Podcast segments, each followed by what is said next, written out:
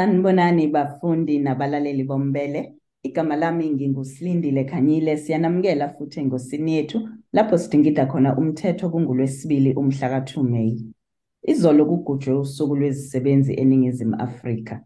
Umengameli weCOSATU uNkosazane uZingiswa Lusi ukhalile ngokudonsa kanzima kwezisebenzi nokuntuleka kwemisebenzi njengoba ethe abakwazi ukuhola abantu abangasebenzi. Nokho ikhona imithetho eshawe uhulumeni ayincomile njenge-Compensation of Occupational Injuries and Diseases Amendment Act ne-Employment Equity Amendment Act.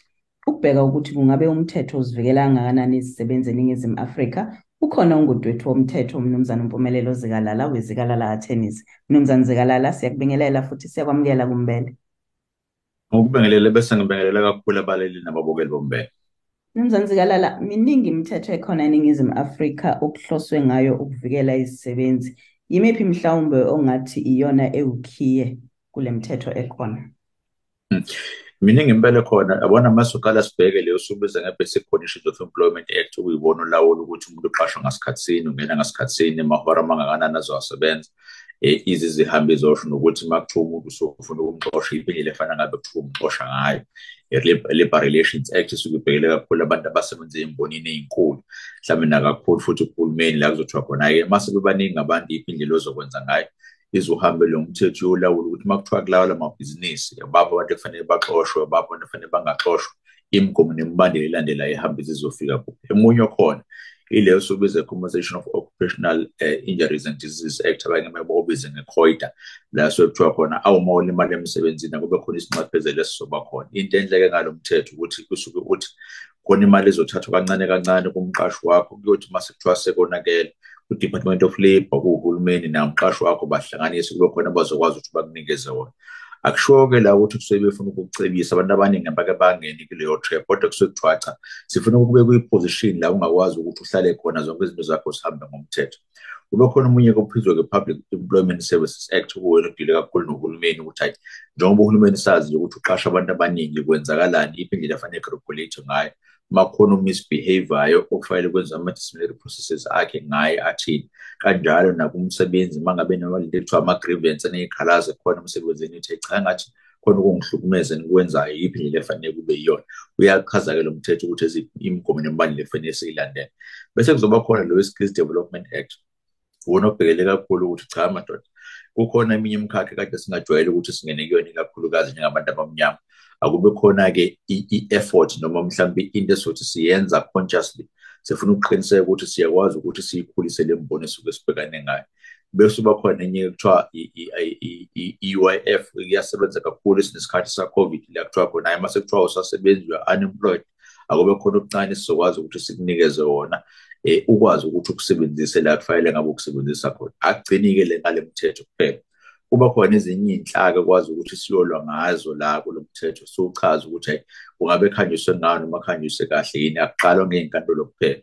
Uzobona uhlelo lwe-CCMA uyilona lesisizayo ukuthi abantu noma kuthiwa umuntu akanamani akanamini akwazi ukuthi hambe eyokhulumela kube khona uhlelo lama-bargaining councils ezizongena ngokwama-sector noma ngemkhakha emthizeekusetshenzwa ngayo la kuthiwa khona nje. Uma uze ngaphambili weza ne-complaint yakho akufuneki nokuthi uze ube ne-LLB kuthiwa ufunda umthetho. Uma ukwazi nje ukuyikhulumela umuntu owumahluleli lapho usuke uzokwazi ukuthi akunikeze into oyifunayo Kungabe ikuphi kodwa mhlawumbe okukhona okusayinselelo endleleni izisebenzi eziphathwa ngayo ezweni lethu? Eh kwathi mekushawa le mthetho kwangabheka lapho kumala kuthiwa ama-independent brokers. So abantu kuyibona abaqashayo bese beba innovative noma babona ukuhlakani bathi oh ngoba kuthiwa la umuntu ufanele aqashwe kuleyo nkampani ngokugcwele thina akaqashwe thina thina zobe simsubletha noma simnikeza leyo nkampani. Leyo kuthiwa i-outsourcing ekukhulunywa ngayo kakhulu. So iyona-ke ethanda ukuthi ibe inkinga nomthetho ungakwazi ungakadevelophi uze ufike la kufanele ngabe ufika khona khona yonke into izohamba ngohlelo. Enye into engiyibona kodwa ngumthetho wakalabor noma wezomsebenzi ukuthi awubi nayo impoqo ethanda ukuthi ibe yiningane so if usufika ese-CMA for example ufike ukuthi hayi cha ngiyazi ukuthi ngonile ukuthi ngimxoshe ngamnikezanga notice kodwa ngisamfuna ukuthi akabe la enkampanini yami. Ayikho into emthetho ikhipha emphoqayo umqashi ukuthi akakuthathe uyosebenza.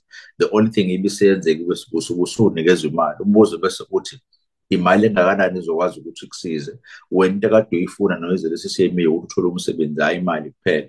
Mase unikezwe compensation noma inhlawulo yomali kuyakusiza yini lapho ukuze ukwazi ufuna ukufika la ufuna ukufika khona?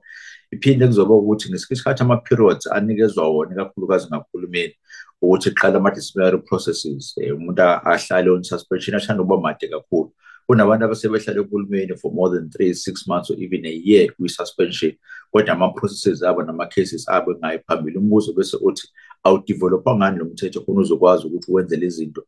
Zisheshe kukwazi ukuresolveka yonke izinto ey'suke zikhona both from the side of umqashi and both of side of umsebenzi. Khona kuzokwazi ukuthi kungabi khona imali ezolahleka njengomuntu esomkhokhela uthole ukuthi yini uhlele ekhaya. Mnumzane Zikalala njenganjalo siyabonga kakhulu ngesikhathi sakho. Kubonga mina kakhulu nibe nosuku oluhle. Lowo bekungumnumzane umpumelelo Zikalala wezikalala Attorneys siyabonga.